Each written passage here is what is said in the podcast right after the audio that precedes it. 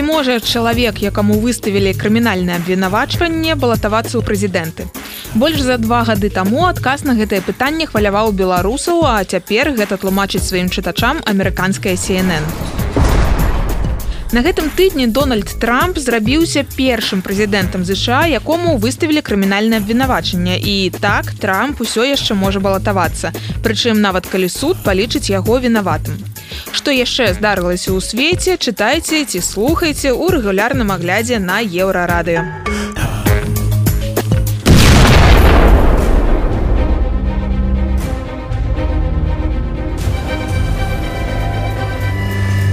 Бязладны вывод амерыканскіх войскаў з Афганістана быў першым вялікім правалам адміністрацыі прэзідэнта Джо байдена. Тады высветлілася, што новаму амерыканскаму прэзідэнту недастаткова проста не быць трампам, каб быць добрым. І вось праз паўтара гады адміністрацыя байдена публікуе даклад, у якім заяўляе. Насамрэч у хаатычным вывадзе войскаў з Афганістана вінаваты маўляў Дональд Трамп. Даклад цытуе BBC. Але чаму Трамп? Таму што гэта Трамп у 2020 годзе заключыў пагадненне з талібамі, у якім дамовіўся пра тэрміны вываду амерыканскіх войскаў з Афганістана. Ён паабяцаў вывесці войскі за 14 месяцаў, калі талібы выканаюць сваю частку дамоўленасцяў. І байден быў сур'ёзна абмежаваны ў манёўрах праз гэтае пагадненне. Тады ў 2020 BBC пісала, што сделка з талібамі рызыкоўная. Яна фактычна легітымізуе іх у вачах сусветнай супольнасці і але з іншага боку яна дае афганцам шанец на мірнае жыццё пасля 45 гадоў вайны. Прынамсі тады многім так здавалася. Але яшчэ многім здавалася, што сыход амерыканскіх войскаў з Афганістана не азначае, што краіна будзе вокамгненна захоплена талібамі. Прынамсі, так не здавалася і самому байдену яшчэ за пару месяцаў да таго, як талібы прыйшлі ў кабул. Але выйшла як выйшла, амерыканцы пакінулі зброю людзей, якія з імі супрацоўнічалі і паляцелі. Талібы прыйшлі да ўлады у медыях усё гэта назвалі правалам новай адміністрацыі белага дома. Спатрэбілася паўтара гады, каб заявіць, што аказваецца і ў гэтым быў вінаваты менавіта трамп. Не трэба казаць, што рэспубліканцам гэтая заява і абяленне адміністрацыі байдена не спадабалася. Але вядома, жудасныя кадры з аэрапорта Кабула, на якіх адлюстраваныя адчайныя спробы людзей трапіць на борт самалёта, памятаеце не толькі вы, у белым доме іх таксама памятаюць. Цяпер мы аддаём прыярытэт больш ранняй эвакуацыі, калі сутыкаемся з паграшэннем сітуацыі з бяспекай. Афіцыйны прадстаўнік байдена па нацбяспецы Джон Кірбі сказаў, што белы дом улічыў досвед Афганістана, калі выпрацоўваў палітыку па падтрымцы немцы Украіны напярэдадні расійскага ўварвання. Прэзідэнт Францыі Эмануэль Макрон завітаў з візітам у Кітай і папрасіў сі дзеньпіня прывесці рассію ў прытомнасць. Ведаю, што магу на вас разлічваць у тым, каб прывесці рассію у прытомнасці вярнуць усіх за стол перамоў цытуе макрона BBC французскі лідар мяркуе што вайна ва ўкраіне пагражае не толькі самой украіне. Ёсць небяспека што буйныя дзяржавы падзеляцца на варожыя блокі.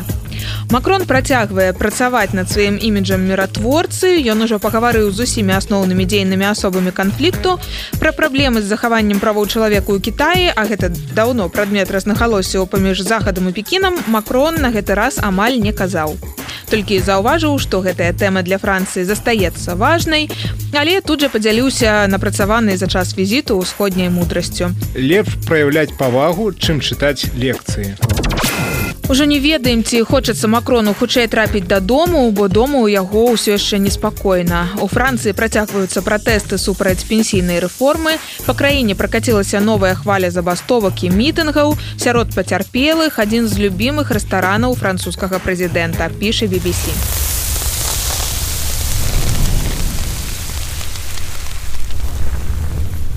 Пратэстоўцы падпалілі бістроя ля ратонды. Там макроны яго прыхільнікі святкавалі сваю перамогу на выбарах у 2017 годзе. Французская муз кажа, што ў чацверу у страйку супраць пенсійнай рэформы макрона ўзялі ўдзел 570 тысяч чалавек. А прафсаюзы запэўніваюць, што яшчэ больш каля двух мільёнаў. Канстытуцыйны савет яшчэ можа спыніць рэформу сваё рашэнне он вынесе 14 красавіка.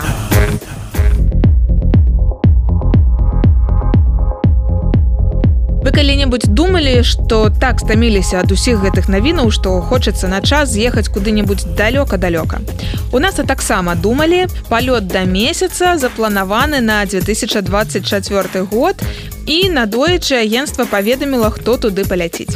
Далёка-далёка ад усіх зямных навін апынуцца чацвёра. Віктор гловер Крысціна хамак кох Джерамі хансен і камандзір экіпажа рэд уайзман так так упершыню гісторыі да месяца адправіцца жанчына не будзем жартаваць пра тое што ў мінску да гэтага часу якраз плануюць запусціць у космас першую беларуску Гэтыя даследчыкі найлепшыя прадстаўнікі чалавецтва, якія адважыліся адкрыць новыя далягляды ў космасе ад імя чалавецтва.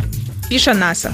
Місію назвалі Артеміда 2, яна зойме 10 дзён высаджвацца на паверхню месяца, пакуль не будуць гэты план на 2025 год, толькі даляцяць да яго.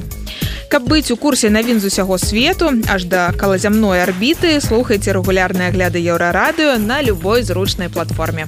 Інфармацыйная служба еўрарадыё.